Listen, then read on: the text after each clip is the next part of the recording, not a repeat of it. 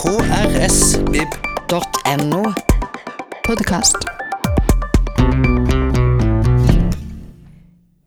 Ja, hei og velkommen til Bjørnebodan dag fire og nest siste arrangement, dere.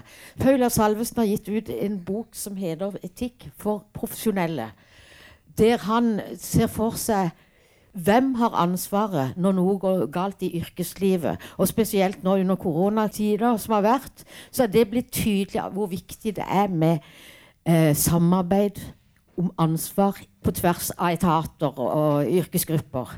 Men siden vi er på Bjørnebodaen, så har også han eh, vært så oppmerksom at han har tatt for seg også Bjørneboe og formyndermenneskene. Altså Bjørneboe var jo veldig opptatt av skole, rettsvesen og fengselsvesen. Så han har også valgt å ta den delen inn i sitt foredrag. Han er professor i teologi og etikk, som passer veldig godt til denne boka. da. Så ta godt imot Paul Ler Salvesen.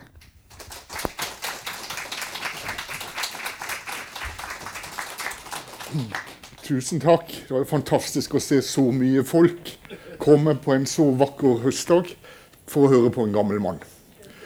Eh, det var absolutt nærliggende å prøve å eh, knytte temaet i boken min til Bjørneboe og Bjørneboes forfatterskap. Og en hjelp der for meg alltid, når jeg skal gå inn i Bjørneboe-universet igjen, er å lese Fredrik Vandrups fabelaktige biografi, som kom, fra, kom i 2007 og som har kommet i mange opplag så vidt jeg vet, etter det. Og som jeg stadig mener er noe av det beste som er skrevet på norsk om Bjørneboe. Eh, et stikkord for Bjørneboe når det gjelder den gruppen jeg da kaller de profesjonelle, det er rett og slett formyndermenneskene. Og han var nok i sitt forfatterskap atskillig skarpere i sin kritikk av de profesjonelle enn det jeg har har lagt opp til i min bok. Vi finner det veldig mange steder. Vi finner det i 'Fugleelskerne'. Vi finner det ikke minst i trilogien 'Bestialitetens historie'. Vi finner det i den som kanskje nesten alle har lest på skolen i sin tid. I hvert fall i min generasjon og litt yngre. Jonas. Og vi finner det i hans essayistikk og også faktisk i en rekke kronikker han skrev i dagspressen, der han gikk inn i sin samtidsdiskusjoner om fengselsvesenet, om psykiatrien. Ikke sant? Gjennomgående så, så, så eh, oppholdt han seg i forhold til mennesker som var i en maktposisjon, i forhold til en annen gruppe i en avmaktsposisjon. Dette, Dette var jo ting som kom for, for fullt på 1970-tallet i Norge fra flere andre forfattere. Men Bjørneboe var jo veldig veldig tidlig ute med sin, med sin maktkritikk. Et helt sentralt tema for han er at du er alltid personlig ansvarlig for det du gjør på jobben. Det var gjennomgående når han nærmet seg skolen, fengselet, psykiatrien. Dere som jobber der, er personlig ansvarlig for det dere faktisk gjør på jobben. En av de som tenkte veldig likt, og som jeg er temmelig sikker på at Bjørnboe også leste, for han var et lesende menneske, det er Hanna Arendt. Den store tyske, jødiske filosofen som så mange trodde skulle bli den første kvinne som ble professor i filosofi i uh, Tyskland. Men slik gikk det ikke. Hun ble utsatt for uh, mennesker i maktposisjoner. Hun hadde Martin Heidegger som sin uh, lærer en periode, og etter hvert som sin elsker, bare 18-19-20 år gammel. Heidegger svek sin begavede elev ettertrykkelig. La ikke to pinner i kors for å hjelpe henne i, i den fryktelige situasjonen som oppsto i Tyskland midt på 1930-tallet og utover. Det var andre som klarte å smugle henne ut av landet akkurat i tide.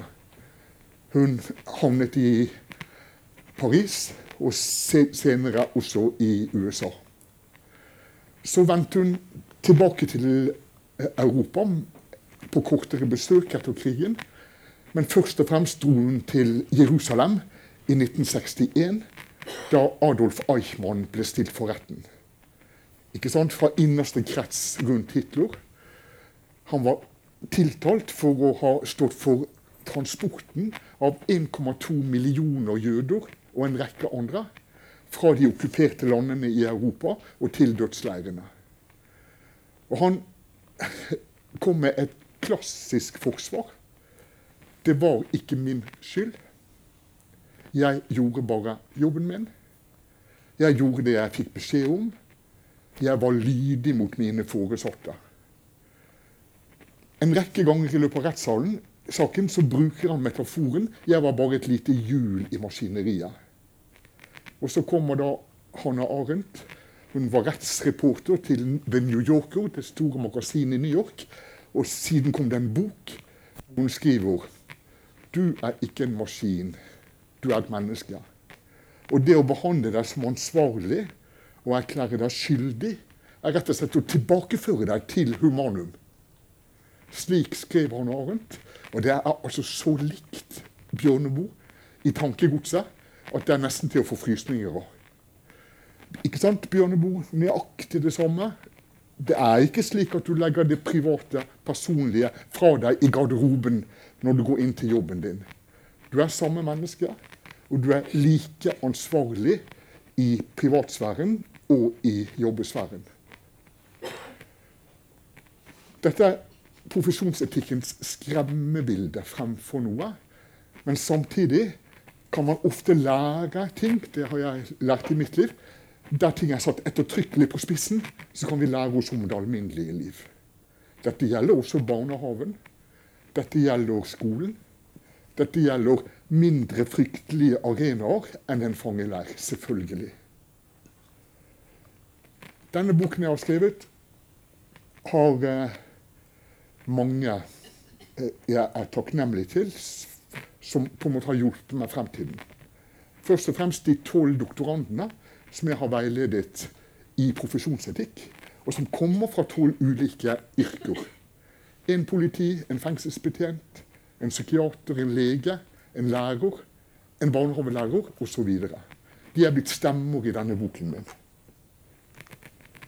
Men her lærte jeg min første store lekse om å være profesjonell. Eh, jeg var 25 år gammel og skulle ha min første vikarperiode som fengselsprest på Ila. Jeg har aldri opplevd et større kultursjokk enn å komme fra Blindern i 1978 til Ila 5-26 år var jeg, og skulle plutselig praktisere. Jeg kunne gresk og latin og hebraisk. Jeg kunne lese tysk i gotisk skrift. Og sjokket var jo at jeg trodde ikke jeg hadde bruk for noe som helst av det i denne nye virkeligheten. Etter hvert skjønte jeg jo at i filosofien og teologien så var noen veldig viktige temaer til stede, som også er veldig aktuelle i strafferetten. Dette la på seg for meg, slik at jeg til slutt en, tok en doktorgrad i rettsfilosofi om fenomenet skyld. Men her, 526. Presten skulle besøke alle som satt isolert på julaften. Plutselig var jeg låst inne på en glattcelle. Er det noen av dere som har vært på en glattcelle? 30 grader i rommet. En eh, madrass på gulvet. Jeg ble låst inn. Ingen alarm. To låser. Og det satt en mann mer enn dobbelt så gammel som meg på gulvet. Toaletthull stinkende i hjørnet. Et sterkt sted å være. Jeg satte meg ned og gjorde min første tabbe. Jeg tok på han og spurte åssen går det med deg. Og så sier mannen presten skal holde sin kjeft. Presten skal lese juleevangeliet. Juleevangeliet? Jeg gikk vel ikke rundt med Bibel i fengselet? Og jeg er forferdelig dårlig til å huske tekster. Veldig dårlig på det. Men jeg begynner da, og det skjedde i de dager. Men han kunne det. Høy røst og hjalp meg gjennom hele teksten. Og så ble det stille. Ingen hadde lært meg på Blindern noe om at en må kunne holde ut stillhet når en er sammen med et menneske i krise. Så jeg sier noe dumt veldig fort for å få slutt på stillheten.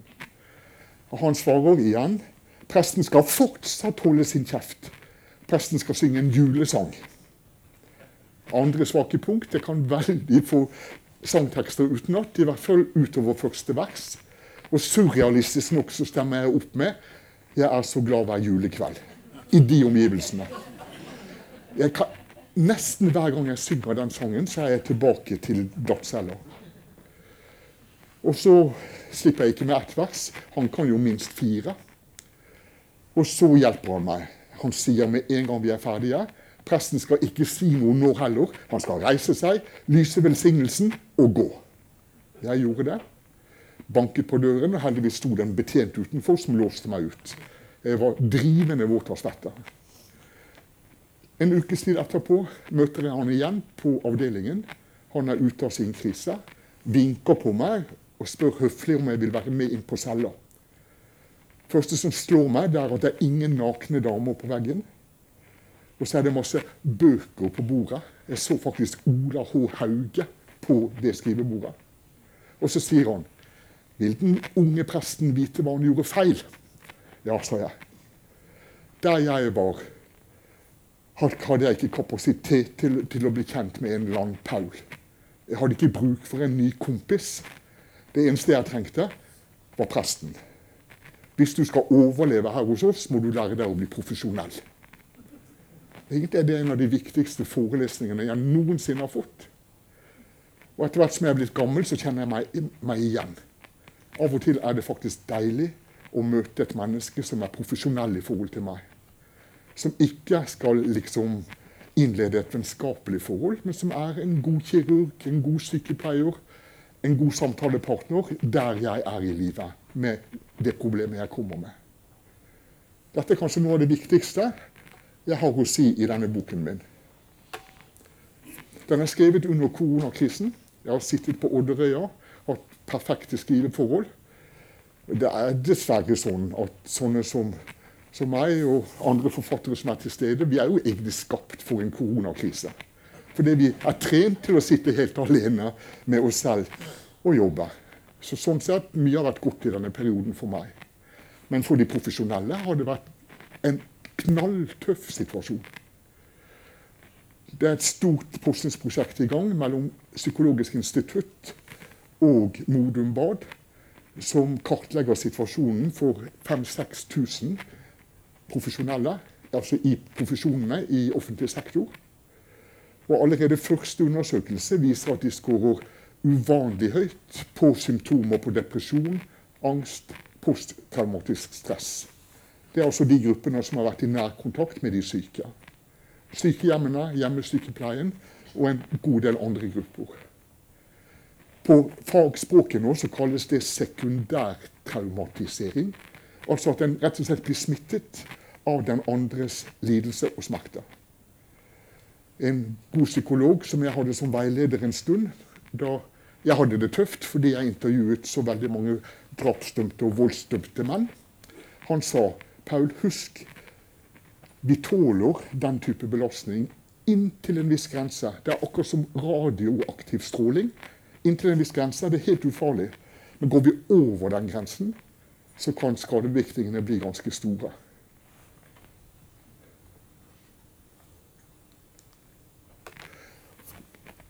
Her er også litt sånn bjørnebostoff. Hva, hva kaller vi de andre? De vi jobber med, hva heter de? Og Her er det profesjonelle Norge veldig usikre for tiden. Det er veldig mange, veldig mange begreper i bruk. I kommunene så kalles de gjerne for brukere.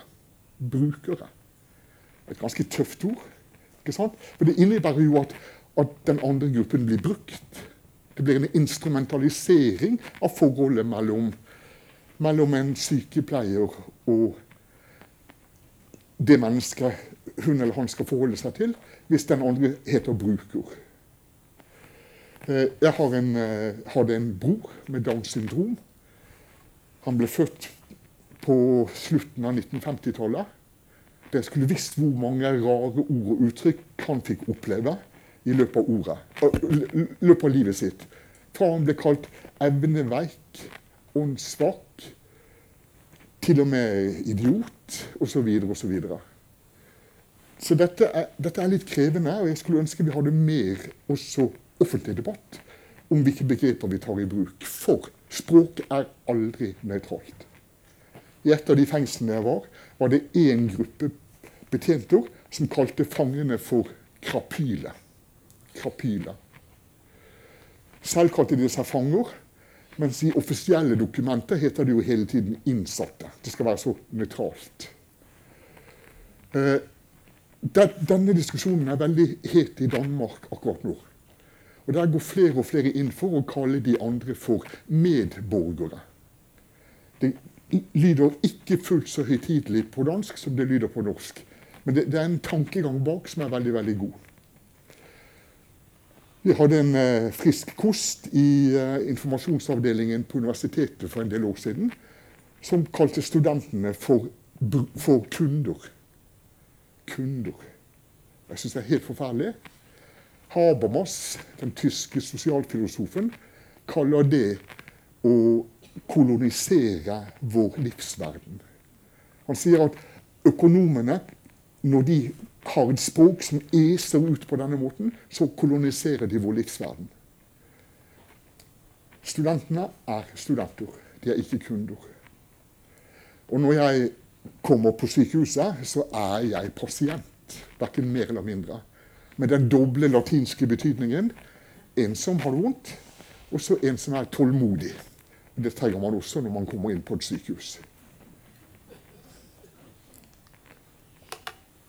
Du er alltid personlig ansvarlig for det du gjør på jobben. Et område som eh, rammes av dette, det er det som er veldig i vinden for tiden, nemlig varslingssakene. Og der vi opplever noe som går galt et sted, en feil som blir gjort. Eller at f.eks. et menneske er i alvorlig fare. Ikke sant? Da skal vi varsle om dette, og vi skal sende bekymringsmeldinger. Ofte har det dessverre vært slik at man innbiller seg at man har gjort det man skal gjøre, hvis man har sagt fra til sjefen. Men sjefen kan jo være en konfliktsky, gammel sørlending som er livredd for å få en rettssak det siste året han er i jobb, og han bare stille og rolig lar dette gå ned i skuffen. Du er alltid ansvarlig selv om du har varslet. Du må sjekke opp om, om det skjer noe. Uh, dette her er krevende, for det er også ganske vanskelig å finne ut når en skal varsle. Det er nemlig fullt mulig å varsle i tide og utide. Det er både mulig å ikke varsle om det man burde varsle om, og det stikk motsatte. Så heldigvis, på en del arbeidsplasser, snakker man tydeligere og mer om disse temaene i dag enn man gjorde tidligere.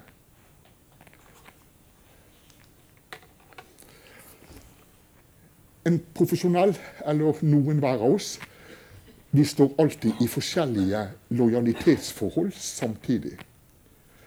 Noen eh, sjefer er dessverre av en slik art at de mener at lojalitet bare betyr lydighet. Altså, du har å gjøre det du får beskjed om, og hvis du f.eks. skriver en kronikk i dagspressen eller varsler på andre måter allmennheten om at noe ikke er helt i orden, så er du ulydig.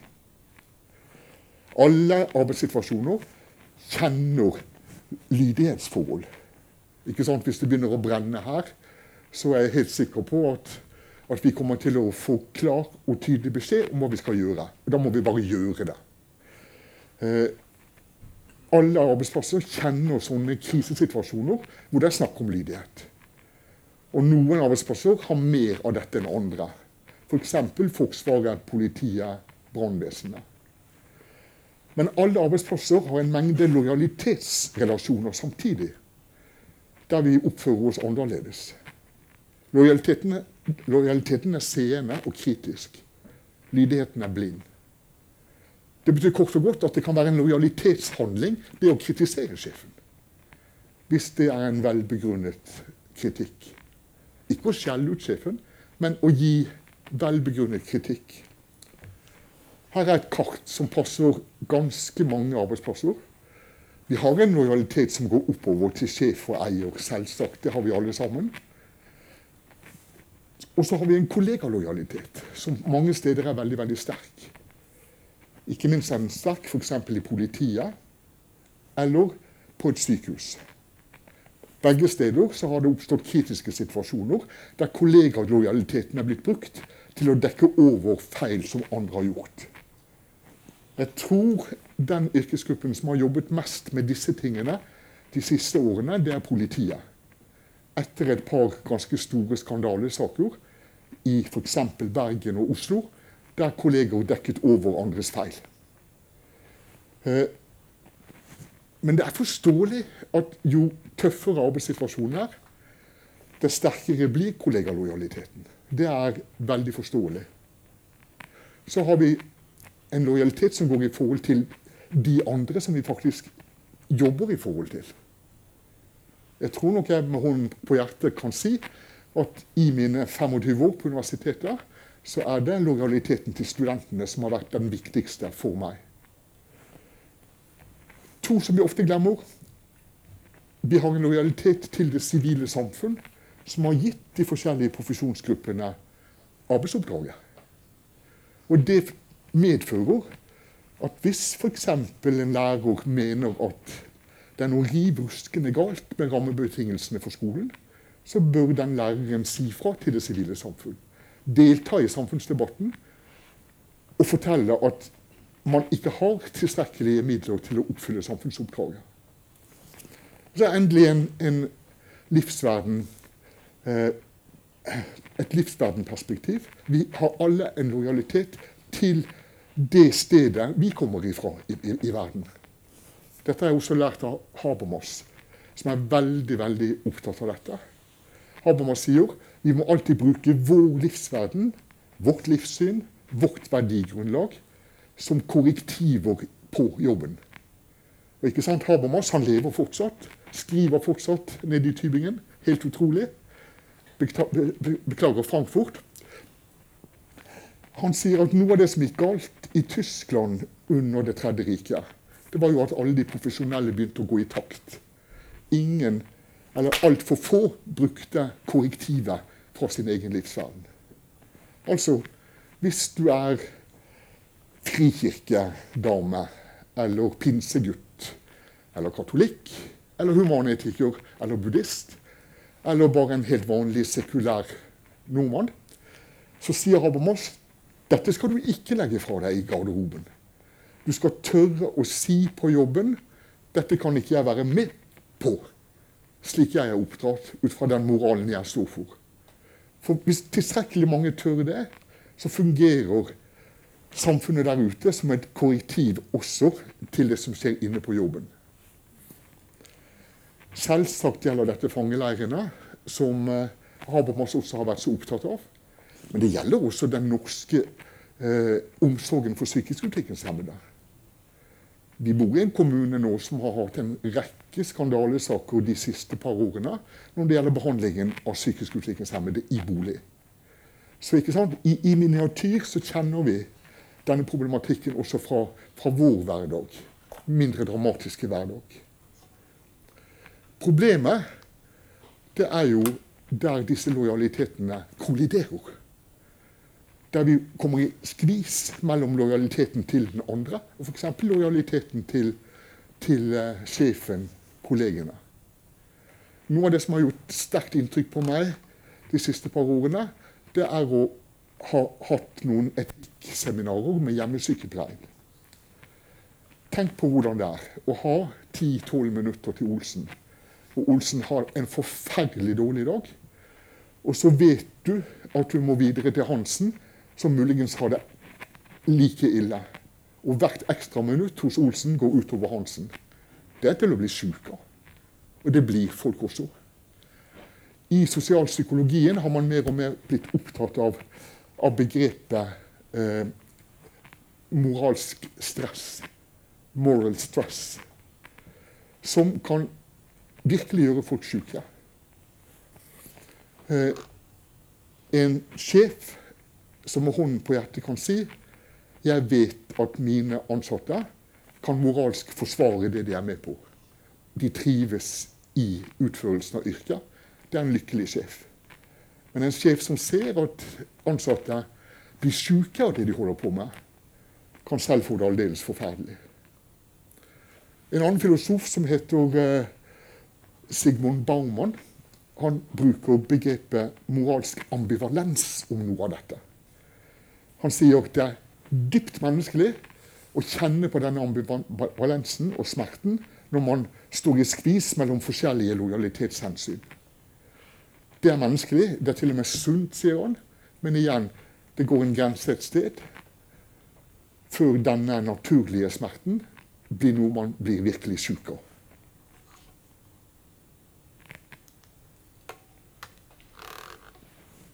Habermas, sist jeg skal si om han, han foreslår at eh, eh, arbeidslivet må ha etiske komiteer. Jeg var selv med å eh, etablere det i sykehusene. Kliniske etiske komiteer. Og jeg har sittet i den nasjonale forskningsetiske komiteen for samfunnsfag og humanistiske fag i, i mange år. Dette er komiteer som, som, bør være akkurat så sammensatte som jeg sa eh, Habermas anbefalte tidligere. Habermas er pluralismen, mangfoldets store forsvarer. Han er livredd for at uh, vi skal bli for like. En etisk komité skal da med andre ord være et sted der vi ikke er så blenda hvite som i denne forsamlingen her. Aldersmessig bør vi ha minst en sånn sammensetning som vi har nå, både unge og gamle, begge kjønn. Og Så sier han videre det bør være eh, forskjellige livssyn i komiteen. Hvis en etisk komité for eh, Kristiansand kommune det er nettopp opprettet en slik en for helse- og sosialområdet. Hvis en slik komité består av syv 40-50-åringer vokst opp i Frikirken og Lund bibelklasse, som har gått på startkamper hele livet, så er det utmerkede mennesker. Jeg kjenner veldig mange av dem. Men det er en verdiløs etisk komité. Ikke sant? Det bør være mye mer sammensatt, både interessemessig, livssynsmessig og erfaringsmessig, ikke minst. Habermann sier en etisk komité bør ha et rundt bord. Der skal det ikke være slik at sjefen prosederer og sitter med fasit. Sjefen bør ikke være der i det hele tatt, sier han. Sjefen skal få etiske råd. Og så eh, sier han han blir alltid spurt om han kan sitte med hvem som helst i en etisk komité. Da svarer han nei. Det går en grense et sted. Noen grunnleggende prinsipper om f.eks. menneskesyn må være til stede. Og han sier i klartekst jeg kan ikke sitte i etisk komité med en nazist. Eh, han bruker Kants kategorisk imperativ, som dere kanskje husker fra eh, skolen, eller Sofies verden. Du skal alltid behandle et annet menneske som et mål i seg selv, aldri bare som et middel for å oppnå et annet formål. Forbudet mot å instrumentalisere den andre, ting, tingliggjøre den andre. Det må liksom være der, sier han, hvis, hvis, hvis vi har kunnet snakke sammen. Og så sier han da igjen, bring inn din egen livsverden. Og så skal dere sitte til dere er blitt enige. Det er kanskje noe av det aller, aller tyngste. Fordi motargumentet er at det alltid vil finnes en kverulant som ødelegger komiteen. Men min erfaring er at dette går. I de åtte årene jeg satt i denne forskningsetiske komiteen, så var vi uenige to ganger. Det var bare to ganger vi måtte sende delt, delt innstilling. Ellers så satt vi vidt forskjellige mennesker til vi var blitt enige. Den ene gangen, det må jeg nesten fortelle, det var eh, eh slik at vi fikk en henvendelse fra, fra Rettspatologisk institutt i, i Oslo. Og Rettspatologene det er tøffe vitenskapsfolk som er vant til å få det som de vil. De hadde fått høre at Henrik Wergelands grav skulle flyttes to meter på Vår Frelses gravlund pga. noe dreneringsarbeid og sånn. Og Da søkte de om å få åpne graven og ta prøver av skjelettet for få en gang for alle å finne ut om Henrik Wergeland døde av tuberkulose. Det er jo nasjonal epose til min gylden lakk. Eller om det var så prosaisk at han døde av lungekreft fordi han var piperøker. Det var jeg som eh, ledet eh, den seansen, og jeg fikk lov å kontakte representanter for både tuberkuloseforskningen Det finnes litt av det igjen i Norge. Og kreftforskningen. For å høre om det var medisinske grunner til å eh, gi den tillatelsen. Det var det overhodet ikke. De var overhodet ikke interessert i dette på medisinsk grunnlag. Altså ville det bare vært en form for nysgjerrighet. Og da konkluderte vi med at uh, det måtte være lov å ta med seg noen hemmeligheter i graven. Selv for Henrik Wergeland. Og vi sendte en innstilling som var mot én stemme, nemlig en historiker. Men det går altså an, stort sett, å bli enige.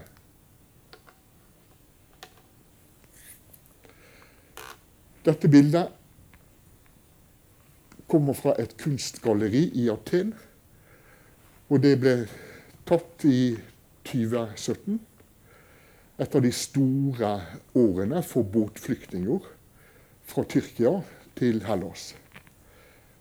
Dette galleriet henvendte seg til unge greske kunstnere og ba dem tolke den livssituasjonen den politiske situasjonen i Hellas i 2017. Det er vanskelig å se det, men dette bildet heter 'Ungdommen'. Og han sitter på et, en sky av ord. Håpløshetsuttrykk. Frykt, angst, ingen fremtid. Slike ord sitter han på. Han kan absolutt være afghaner eller syrer. Han kan være greker eller italiener. Rundt hele Middelhavet nå så er det unge mennesker som frykter for sin egen fremtid. Og for ikke bare egen fremtid, men klodens fremtid. Fremtidsfrykt, kronofobi, er den nye medisinsk-diagnostiske uttrykket som først ble brukt nå i moderne tid i Italia av unge terapeuter som fikk, av terapeuter som jobbet med ungdom, og som fikk stadig flere, får stadig flere inn i behandling, som frykter fremtiden på minst tredobbelt vis. Og de beskriver hvor lammende denne frykten er. Helt umulig. Helt håpløs.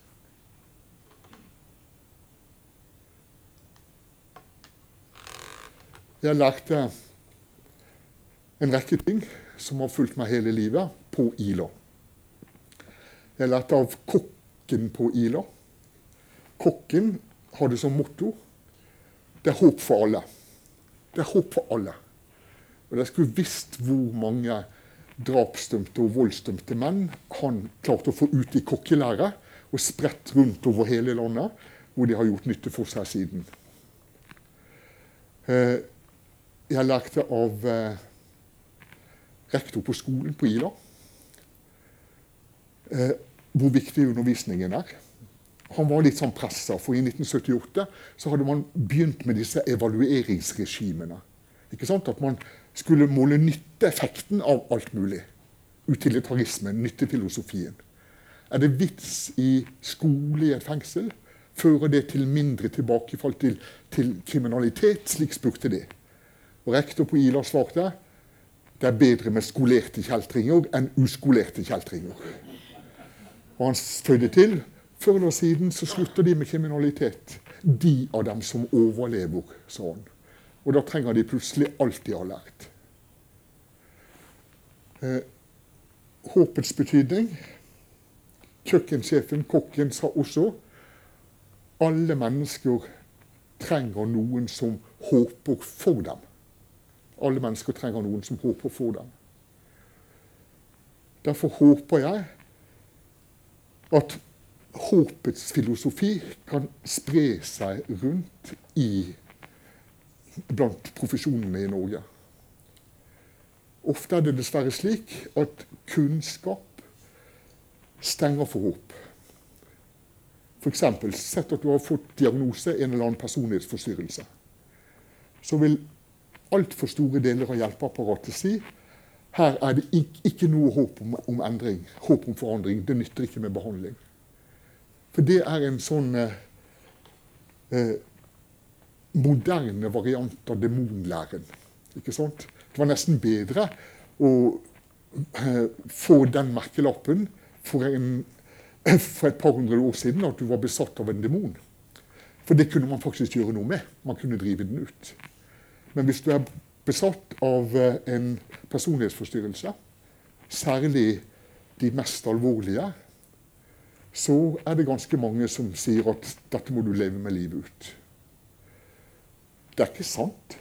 Det er faktisk gode nyheter også på det området. I hvert fall tilstrekkelig til at det ikke burde være lov å gi opp håpet i forhold til noen andre mennesker. For problemet er jo at ord skaper hva de nevner. Hvis du tilstrekkelig mange ganger får høre at du er farlig, at du er totalt avvikende, at du kommer til å forgripe deg på barn, så øker faren for at dette skjer. Og motsatt. Hvis vi møter håpet om at vi selv kan endre oss, være i vekst, så øker muligheten for at det skjer. Håpets filosof fremfor noen heter Ernst Bloch. En fantastisk spennende skikkelse som var kjetter på livstid. Han vokste opp i det nåværende Øst-Tyskland og ble fort kjetter da DDR-regimet satt inn, selv om han var marxist. Han var marxist og jøde. Men han ble kjetterstemplet. Han var ikke marxist-leninist. Og Så flyttet han til Vest-Tyskland, eller rømte og ble fort kjetter der også. Når han kom inn i Vest-Tyskland eh, på 1950-tallet, med den voldsomme kapitalismen som herjet der, så dro han til USA og ble like skuffet. Han dro tilbake til eh, Øst-Tyskland etter hvert. Men han mistet aldri håpet. Han brukte sin jødiske bakgrunn, ikke minst. Eh, brukte fortellingene om israelsfolket som vandrer gjennom ørkenen hva er det som gjør at de holder ut? Jo, det er håpet om det som skal ligge der fremme. Og han har en sånn fantastisk eh, setning at 'min far var en vandrende arameer'. Han sier at denne modusen, det å hente krefter fra fremtiden til å holde ut nåtiden, det kjennetegner mennesket. Han har et utrolig vakkert bilde. Det håpende mennesket kan sammenlignes med en gravid kvinne. Er det noe som er helt sikkert, så er det at verden ikke er innrettet for gravide kvinner. Det er besværlig å gå gravid. Det vet alle dere som har fått oppleve det. Men hvordan holder man ut både eventuelt frykten for fødselen og den besværlige nåtiden? Jo, sier Ernst Bloch, at han har lært av kvinnene rundt seg at de kan legge hånden på maven og kjenne liv. Og Da henter de krefter til å holde ut nåtiden holde ut det besværlige i håpet om det som skal komme. Takk for at dere hørte så tålmodig på meg. Eh, boka ligger der ute hvis noen av dere vil, vil ha den. Eh, tusen takk for at dere kom.